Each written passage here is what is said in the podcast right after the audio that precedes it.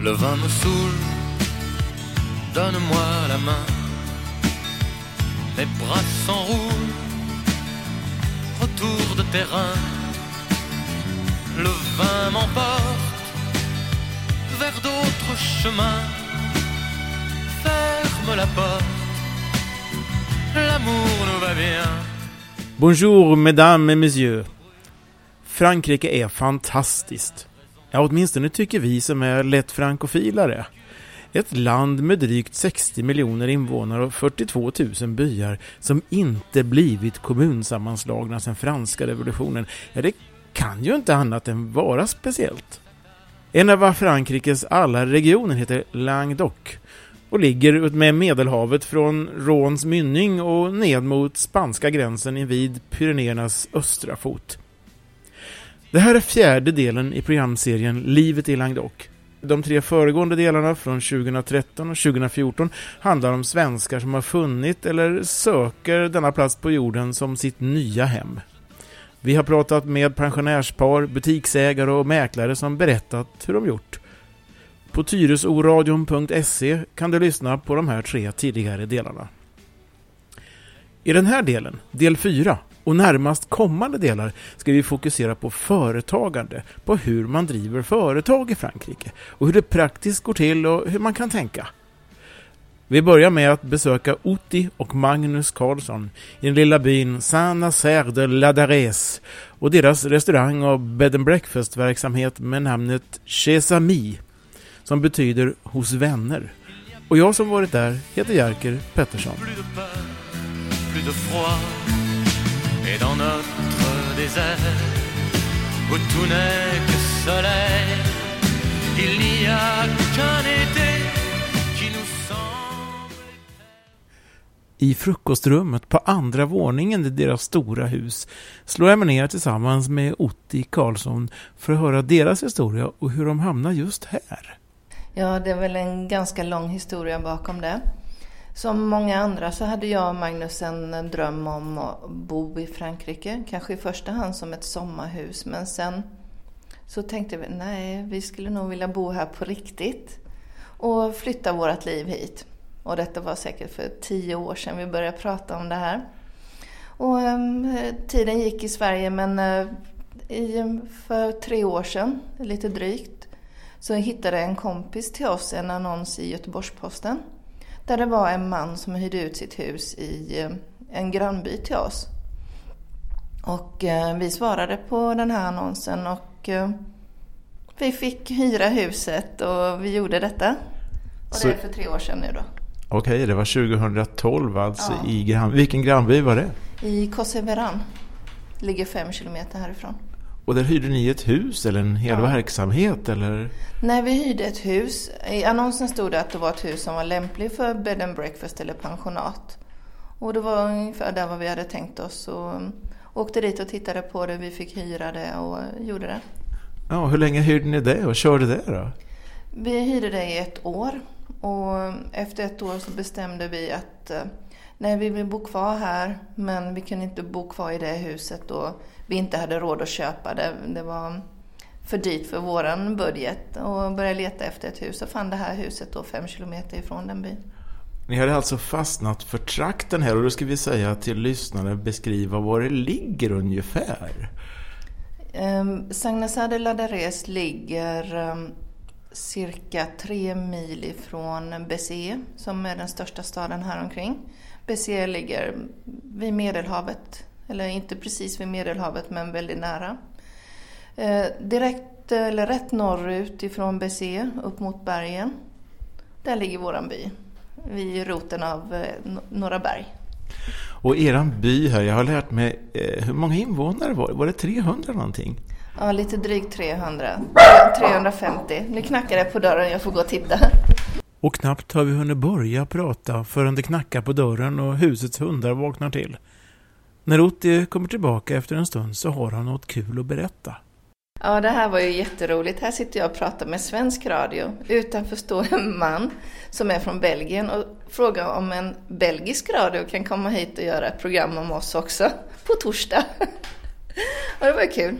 Så Så helt plötsligt är det kö av radiostationer här. Ja, det verkar vara fullt upp i media för våran del. Ni är populära alltså? Ja, kanske det. Om vi återvänder till byn San Nazaire de Ladares så sa vi, hur många invånare var det nu? Ja, det är eh, cirka 350 invånare här. Eh, Den har ju varit mycket större förr, byn, men nu är det de här 350. Och att det blev just här, det var att ni hittade huset här. Ni åkte runt helt enkelt och kollade och så fanns det. Ja, så var det. Och eh, huset, det var inte ens jag som hittade utan det var, eller inte jag eller Magnus, utan det var en kompis till oss. Och som visste vårt dilemma att vi inte hade någonstans att bo då. Vi hade sagt upp kontraktet på det huset vi hyrde. Och, ehm, och ehm, han och Magnus åkte och kollade. Jag var inte hemma. Eh, och ehm, Magnus åkte iväg till mäklaren och sa att vi köper det. Utan att rådfråga mig. Men eh, det gör inget. Han, han eh, känner mig och visste att jag hade också accepterat det. J'habite en France. Et la France, c'est pas du tout ce qu'on dit. Så helt plötsligt var ni med hus i San de Ladares. Det här huset, hur gammalt är det? Eh, Källarvåningen är drygt tusen år gammal. Men eh, det som är ovanpå, de har ju gjort så förr i tiden om att de har använt gamla ruiner och så bygger man nytt på dem. Och eh, det är väl sedan 1850-tal eller någonting sånt. Och hur, vad var det för skick på huset då när ni eh, övertog det? Ingen hade bott i det här huset, alltså på riktigt, eh, sedan kriget och då är det andra världskriget. Och då, de som bodde här då var tyskar. SS eller tyska underrättelsetjänsten eller någon sån. De tyckte att det här huset var bra för att vi inte har några grannar eller hus. Det är inget byhus på det sättet att man bor med vägg i vägg med någon annan utan den har fyra fria väggytor. Och till huset hörde också några, lite mark förstår jag. Ja, eh, mitt emot vårt hus så har vi en tomt där vi har nu eh, uteservering på sommaren och vi har pool och även en bastu. Och sen hyrde det, eller hörde det till ytterligare en tomt på 300-400 kvadrat, en bit eh, även här i byn. Men ja, vi sålde den för vi kände att vi hade inte tid att odla potatis eller något sånt där. Men då fick ni alltså sätta igång och göra ordning hela huset då från topp till tå så att säga? Ja, det stämmer. Och eh, i och med att vi eh, har ju öppet året runt och det var, vi hade gäster som var på väg eh, in.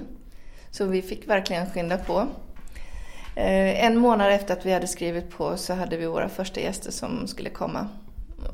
Och deras rum, när de kom på förmiddagen så hade de inte en fungerande toalett och dusch. Men när de kom tillbaka på eftermiddagen så hade de det. Och det eh, vill till att vara snabb i vändningarna här. Alltså, det är Magnus som är den stora allfixaren har jag lärt, läst mig till på er webbsajt. Ja, jag brukar beskriva min man som en man i egenföretagare i allt möjligt branschen. Och det betyder att han är, han är en handyman och fixar det mesta. Och jag har också läst att du då är eh, kock sedan många år. Ja, jag har jobbat som kock i många år i Sverige innan vi flyttade hit. Så att eh, då har ni den perfekta kombinationen här med byggnad med eh, hotellverksamhet, bed and breakfast och mat. Alltså. Hur många rum eh, för gäster har ni? Vi har eh, fyra rum. Har vi. Sen har vi vår egen, eh, vad ska man säga, vindsvåning som vi säger att vi kan hyra ut. Vi väljer vilka vi hyr ut den till så att säga, för det är där vi själva bor. Men det är lätt att ordna så att gäster kan bo där. Och där finns det plats för fyra mm, sovande. Hur hittar du alla kunder hit? För jag förstår att ni har ganska god tillströmning. Ja, den enda marknadsföringen vi gör är eh, via Facebook. Här ser man vad sociala medier gör, ett praktikfall alltså. Och hur, vad gör ni på Facebook då? Vi uppdaterar eh, ja, vad vi gör i restaurangen, vad vi gör med våra gäster. Eh, vad vi själva, vad som händer här i trakten och Eh, har eh, bra samarbete med turistbyråerna i grannbyarna vilket gör att de mm, skickar meddelanden, mail till oss och talar om nu är det den festen där och den festen där. Och de, sånt delar vi på vår sida och det, det känns som eh, våra gillare tycker om det. Och mer och mer gillare får vi. Jag tänker, det var ju 300 drygt någonting invånare här. Vad säger de när det kommer två eh, entreprenöriella svenskar och slår sig ner och sätter igång full fart? Mm, det är väl, de flesta tycker nog att det är jätteroligt och sen alla kanske inte uppskattar det men jag måste säga att vi har jättebra bygrannar här. De, är, de flesta är otroligt trevliga. Och blir naturligt, ja, det händer mycket här förstår jag, det har gått snabbt. Det är säkert några projekt på gång också i, i faggorna med nyheter tror jag. Ja, nu eh, närmast i början av eh, november så kommer vi börja med matlagningskurser. Eh, där jag kommer stå i köket och vi har nu till den första, fjärde november så har vi sju personer som har bokat in sig och jag tycker att det är en alldeles lagom grupp. Och ehm, jag har inte bestämt mig helt och hållet för menyn ännu. Men eh, det kommer bli eh, eh, jag kan förklara min matlagning lite snabbt bara. Folk frågar mig vilket kök föredrar jag? Vad är det som är min specialitet? Eller vilken typ av mat lagar jag? Och jag säger att jag lagar min mat. Det är en liten... Jag är född i Finland så jag har kanske lite någonting därifrån. Gjort min kockutbildning i Sverige så jag har därifrån. Och jag älskar maten här i Medelhavsområdet så det är väl en mix utav allt. Och det kommer nog bli eh, på kurserna också. Ja, vad spännande om jag inte hörde fel förut så är det så att ni har skaffat en foodtruck också. ja, det är inte vi själva men det är våran kompis eh, Tim. En, eh, en engelsk entreprenör eh, som har nu under sommaren kuskat runt med en glassbil. Där han har sålt eh, mjukglass. Och eh, han har nu funderat på att, eller han har bestämt sig att vi ska ha även en foodtruck och sälja curry till alla britter som bor i området och förmodligen kanske lite fransmän och så också. Och svenskar. Men eh, ja, så jag ska hjälpa honom med att göra curryn. Helt plötsligt kommer Magnus hem och han vill väldigt gärna visa den där trädgården på andra sidan gatan som Otti pratade om tidigare. Bienvenue en France. Nu ska jag introducera dig till min trädgård. Det är en eh, djupt trafikerad gata. Det går en bil var tredje timme förbi. Hundarna sitter och väntar på dig. Så, när vi kom hit för ett och ett halvt år sedan så var det en djungel här. Det var en gång i tiden så de odlat potatis. Sägs att det var den bästa potatisplotten i hela Languedoc. För han har fraktat hit sin jord från, jag vet inte var. Men nu har vi skickat hit ett par ton betong, byggt en pool. Och lite exotiskt för det här. De här breddgraderna så är det ju otroligt varmt. Sommaren. Alla ligger och steker sig i solen. Så vi byggde en bastu. Och en äkta sauna här. Och märket Harvia ser vi i det varma Languedoc. Hur, hur ofta kör ni den? Varje kväll. Varje kväll? Ja, min fru är finska. Okej, okay, jag förstår. Så att eh, hon har drömt om den här bastun. Hon var bastu i vårt liv tidigare också. Så vi, ja, två veckor sedan så fick jag för mig det. Vi hade ett par killar som kom från, från, från Finland. Och de hade med sig en bastu på släpkärra. Så vi bastade lite grann där och efter det så blev det bara, jag måste ha en bastu. Så det blev en. Det här måste vara första bastun i Sanasär de Ladares va? Ja det är det, det finns nog ingen annan. För grannarna som är här, de är, hur går det med saunan? Eh, och frågar lite hela tiden. Det blir lite spännande för omgivningen. Ja, speciellt i Frankrike som har lite friare synsätt på hela livet så tror de, de har ganska grova fantasier om en bastu men en bastu är ju asexuell brukar man säga i Finland. Kvinnor för sig, män för sig men fransmännen de är lite mer frigjorda. Ja, de tror det händer mycket här. Och intill bastun så ser vi ett päronträd fullt med päron. Ja, det är mycket päron. Nedanför oss här så har vi då när det regnar i Frankrike så regnar det ju något otroligt. Jag kan inte förklara riktigt hur det regnar utan jag kan säga att vi har sett på tv hemma när det regnar i Frankrike, så vi har en liten bild. Du ser ju den lilla, det är en evakueringsflod framför oss här och det rinner en liten tunn remsa som under hela sommaren är en snustorr. Men när det väl regnar så är den 5-7 meter bred, upp till en halv meter hög och det bara forsar ut. Och ligger någonting i vägen så, som dämmar lite grann vid en bro så svämmar det över med en gång. Men har det varit så att det har gått upp till eran trädgård här någonting då? Nej, men åren innan vi försvann, innan vi köpte huset så blev det en liten fördämning vid bron som du ser där. Och då slog det upp över bron och gick in på torget. Och en källare att tömma här är ju inte det lättaste för husen är ju kort sagt, de är från när Jesus gick i kortbyxor. Det kan vi säga, för vårat hus härstammar från 900-talet. Och den här trädgården som ligger nedanför här? Vad är det? Det växer tomater där ser jag. Ja, det, vi har en vinbonde som bor intill oss och han har en 4-5 garage. Eh, allt här nere handlar ju egentligen om vin. Jobbar man inte med vin, egen vinproduktion så jobbar man i ett serviceyrke för vinproduktion. Eller som vi då som köper vinet och serverar dem vinet. Alla på något sätt inblandade, inblandade på något sätt i vinproduktionen. Och då ligger vinfälten alldeles runt byn här, även om det är ganska bergigt runt omkring här. Ja, det, det är ganska bergigt. Vi bor precis på foten till bergen och jag, bra, strax bakom oss börjar då bergskedjan Karoux som den heter. Och våran by har en liten annan rolig historik. Vi har ju en, ett kapell som ligger uppe på en av bergstopparna som man en gång om året går till. Det är en pentekott, heter det. Och då vandrar man tillsammans med nunnor och munkar upp efter gatan. Och så går man upp till det klostret så har man en mässa där uppe. Och vi har varit på den två gånger. Sen samlas man efter mässan en liten bit ner på berget och så har man en gemensam middag man tar med sig som ett knytkalas. Och då för oss som är ny, nyfranska så har det varit ett väldigt bra sätt att liksom komma in i gemenskapen. Även om de flesta är äldre än vad vi är så får man fjäska in sig någonstans. Ja, hur ser det ut i byn? Hur, vad är det för åldersgrupperingar du skulle säga är stort? Mm. Mycket, mycket barn har kommit, mycket barn, barnfamiljer. Det, man ser väldigt mycket barn och eh, sen är det äldre. Men däremellan så ser man inte så många. Eh, servicenäringen nämnde du. Det, ni är ju servicenäringen onekligen. Men... Ja, i, i våran by så har vi tre etablissemang kan man säga. Vi har oss då som är en restaurang. Inte, vi kan inte kalla oss för bar för vi är inte ute efter den grejen utan vi en rest, har en restaurang och bed and breakfast. Och sen så har vi en bar som ligger nere i byn som är lokal. Och sen så har vi ett bageri som har lite extra grönsaker och lite bland annat. Det är allt som finns av servicenäring. Men det finns inte en eh, frisör, massör och så vidare? Ja, frisör det finns ju. Men här kommer vi på fredagar med en, som fiskbilen så kommer man med frisörbilen.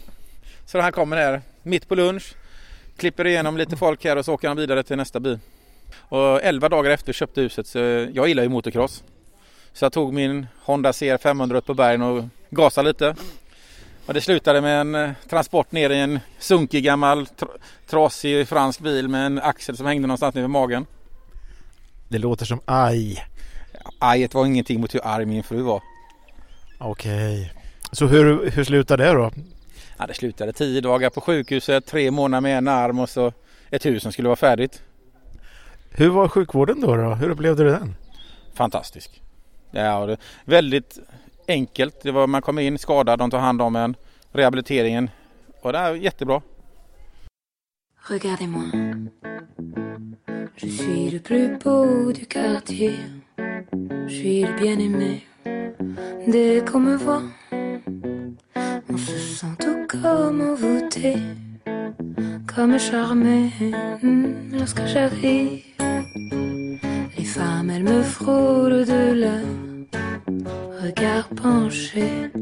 Bien malgré moi, ouais, je suis le plus beau du quartier. Efter denna trädgårdstur återvänder vi till Otti i frukostmatsalen för att höra mer om det franska företagandet. Och att driva då företag, ett bed and breakfast i det här fallet som Chez Ami, det möter säkert på lite nya utmaningar i Frankrike. Så till att börja med, det här med företag i Frankrike, vad är det för företagsform ni, ni använder för att driva det här? Vi har den enklaste företagsformen just nu, autoentreprenör. Eh, vad ska man jämföra? Ja, som en enskild firma skulle man nästan kunna jämföra med i Sverige. Eh, väldigt eh, enkelt att sköta det. Självklart innan man startar ett företag så får man traggla sig igenom den franska byråkratin. Men eh, när vi väl har gjort det så är det väldigt enkelt att sköta det.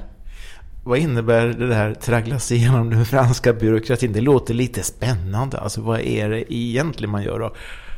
Eh, ja, vi ville göra det eh, ordentligt. Vi ville ha Eh, så att vi inte gör några fel och snubblar någonstans och får ett nej i ansiktet. Så vi vände oss till eh, Chambre de Commerce, som är som handelskammaren kan man säga, IBC och frågade dem vad behöver vi för att kunna driva ett företag i Frankrike.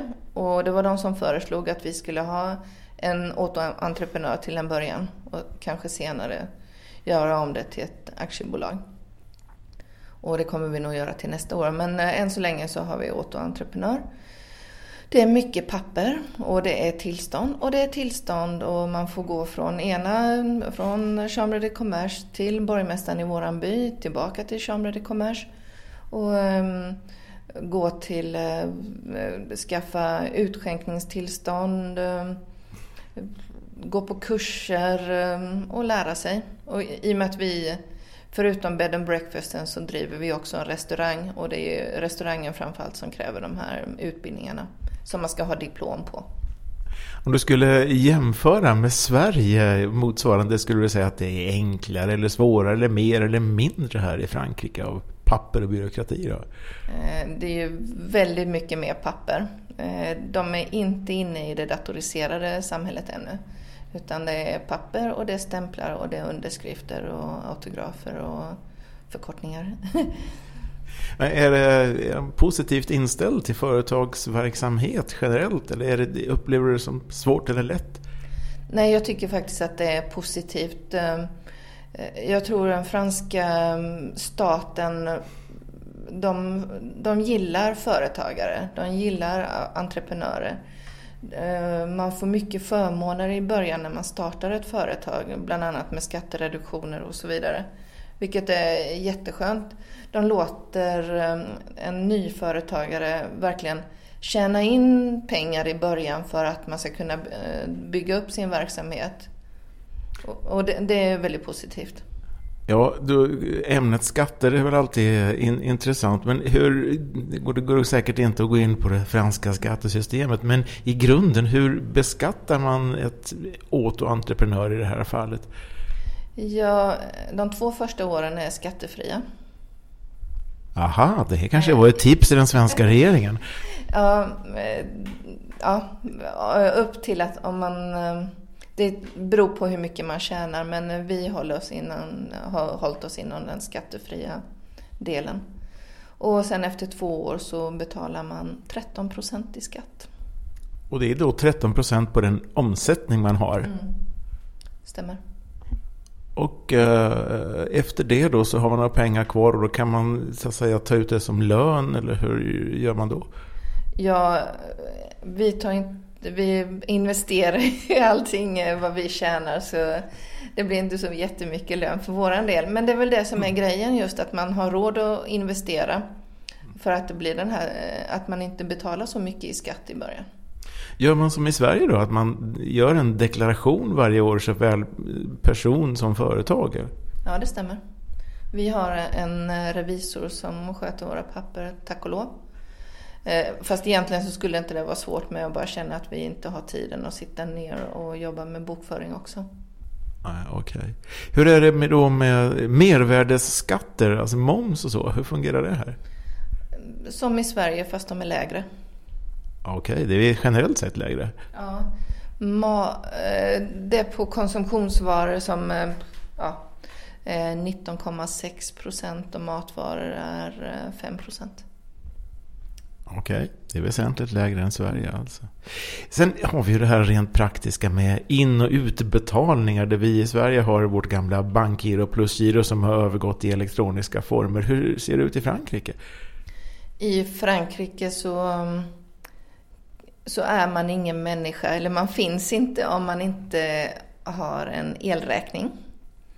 Alltså, för att du ska få ett bankkonto så måste du ha en elräkning, där du, eller en eh, vattenräkning eller någonting där du visar att du har ett hem, du har en adress.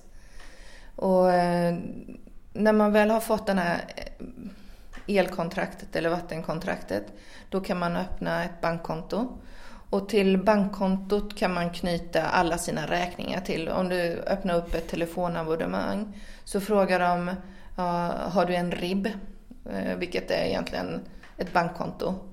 Och då ger man dem en kopia på ens RIB och därefter så dras det som autogiro kan man säga. Och det, det allting går via ribben.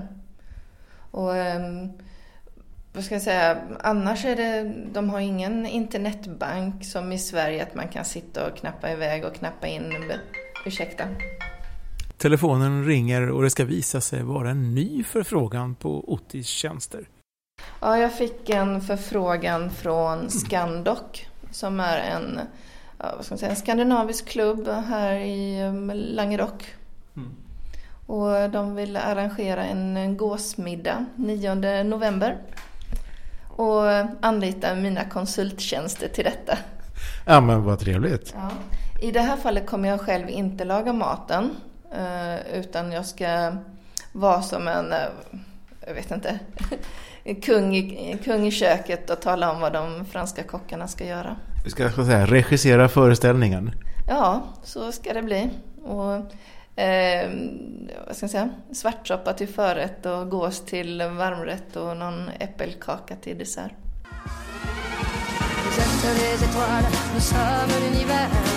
Vous êtes un grain de sable, nous sommes le désert. Vous êtes mille pages et moi, je suis la plume. Oh, oh, oh, oh. En viktig del eh, förstår jag när man då ska sätta igång en verksamhet i Frankrike måste vara språket. Hur sjutton har ni gjort med det franska språket? Oj, ja. Eh, Magnus kommer säga annorlunda, men han kunde faktiskt lite franska när vi flyttade hit. Han har ju trots allt i, eh, tidigare bott i Frankrike som motocrossförare. Han påstod att han kunde bara säga baguette och bonjour, men eh, han kunde mycket, mycket mer än så. I alla fall hördes det så i mina öron för han pratade hela tiden på franska. Men ja, till en början när vi flyttade hit och som när vi var i grannbyn Kosseveran och vi besökte baren första gången där. Och René, som barinnehavaren heter, lite komiskt egentligen, så här, René, hallå, hallå. Men eh, eh Eh, han kom fram och sa hej, pussade mig på kinden och så började han att prata. Och jag tror att jag såg ut som en fågelholk för att jag, jag förstod inte ett ord. Inte ett ord. Jag hörde inte vad han avslutade en mening eller vad han, eh, när nästan började. Men det, var, det kom ut en radda på några minuter och jag kände bara, åh herregud, hur ska detta gå? Men eh, från den tiden så har det snart gått tre år och jag klarar mig faktiskt ganska bra på franska nu lärt mig mest nu när vi har flyttat till den här byn. Där det inte finns så mycket utlänningar som det gör i Kosseveran. Där vi klarade oss på engelska. Väldigt mycket, nästan alla vi umgicks med pratade vi engelska med. Men här i den här byn så pratar man franska. Har du tagit några kurser eller kursböcker eller eh, är det rena naturlära här? Eh, jag läser sedan ett år tillbaka en gång i veckan franska i Cessenon, en annan grannby. Eh, ja, eh, i en och en halv timme så har vi en klass där. Ehm, jag tänkte så här, ehm, mina föräldrar var i, eh, lite yngre än mig när de flyttade från, Sverige, eller från Finland till Sverige. De kunde inte speciellt mycket svenska när de flyttade. Och de klarade av att bo där i ehm, 25 år utan att använda tolkar och de lärde sig språket. Förvisso med en finsk eh, brytning men de, eh, de klarade sig. Så tänkte jag att herregud, om mina föräldrar kunde flytta i slutet av 60-talet till ett annat land, till ett annat språk, så måste jag ju kunna det som är ganska språkbegåvad. och, och ehm, då borde jag kunna klara av det här också. Och det känns som jag är på väg. Om man tänker företagandet då här i, i stort, eh, och summerar ihop det du har sagt och så. Skulle du säga att det är, eh, är det lättare eller svårare än vad du föreställde dig? Um, jag, ärligt talat så tror jag att det var lättare. Det var lättare än vad du trodde? Ja, ja det är faktiskt lättare. Jag tycker att man får om man vet vad man ska fråga så får man hjälp. Och eh, från borgmästaren, man får hjälp från, som jag sa, Chambre de Commerce. Om man, i och med att eh, Magnus var egenföretagare i Sverige så då vet man eh, vad man ska fråga om. Om man aldrig har jobbat inom eh, egenföretagande så är det säkert svårt. Men det är ju inte en jättestor skillnad på hur man sköter ett företag här. Det är ett annat språk och det är lite andra regler. Men annars så är det, det är inte så svårt. Och så slutligen, ehm, om vi tänker oss att här sitter någon och lyssnar och funderar, och kanske är lite sugen på, tänk om man skulle, tänk Frankrike, tänk om man kunde verksamhet och tänk, vad är det, om du skulle skicka med något råd till den som sitter i funderingen, vad skulle det vara? Oh. um, något råd? Ja, lev drömmen, det är värt det. Och visst, man stöter på eh, problem, men ehm, om man är entreprenör och lite fantasi så, så löser man det. Det finns inte en dag som jag har ångrat att vi har flyttat hit. Det, det är inte en dans på rosor, men det är ett underbart liv. Où tu voudras quand tu voudras et l'on s'aimera encore lorsque l'amour sera mort.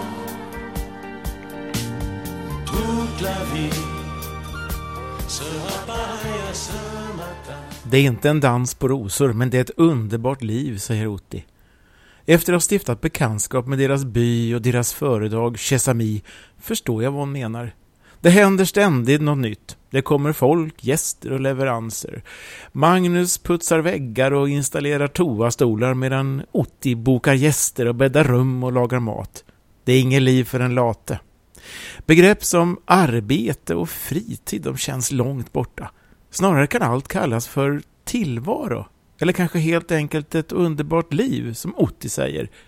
Och kanske är det just det som är livet i Languedoc.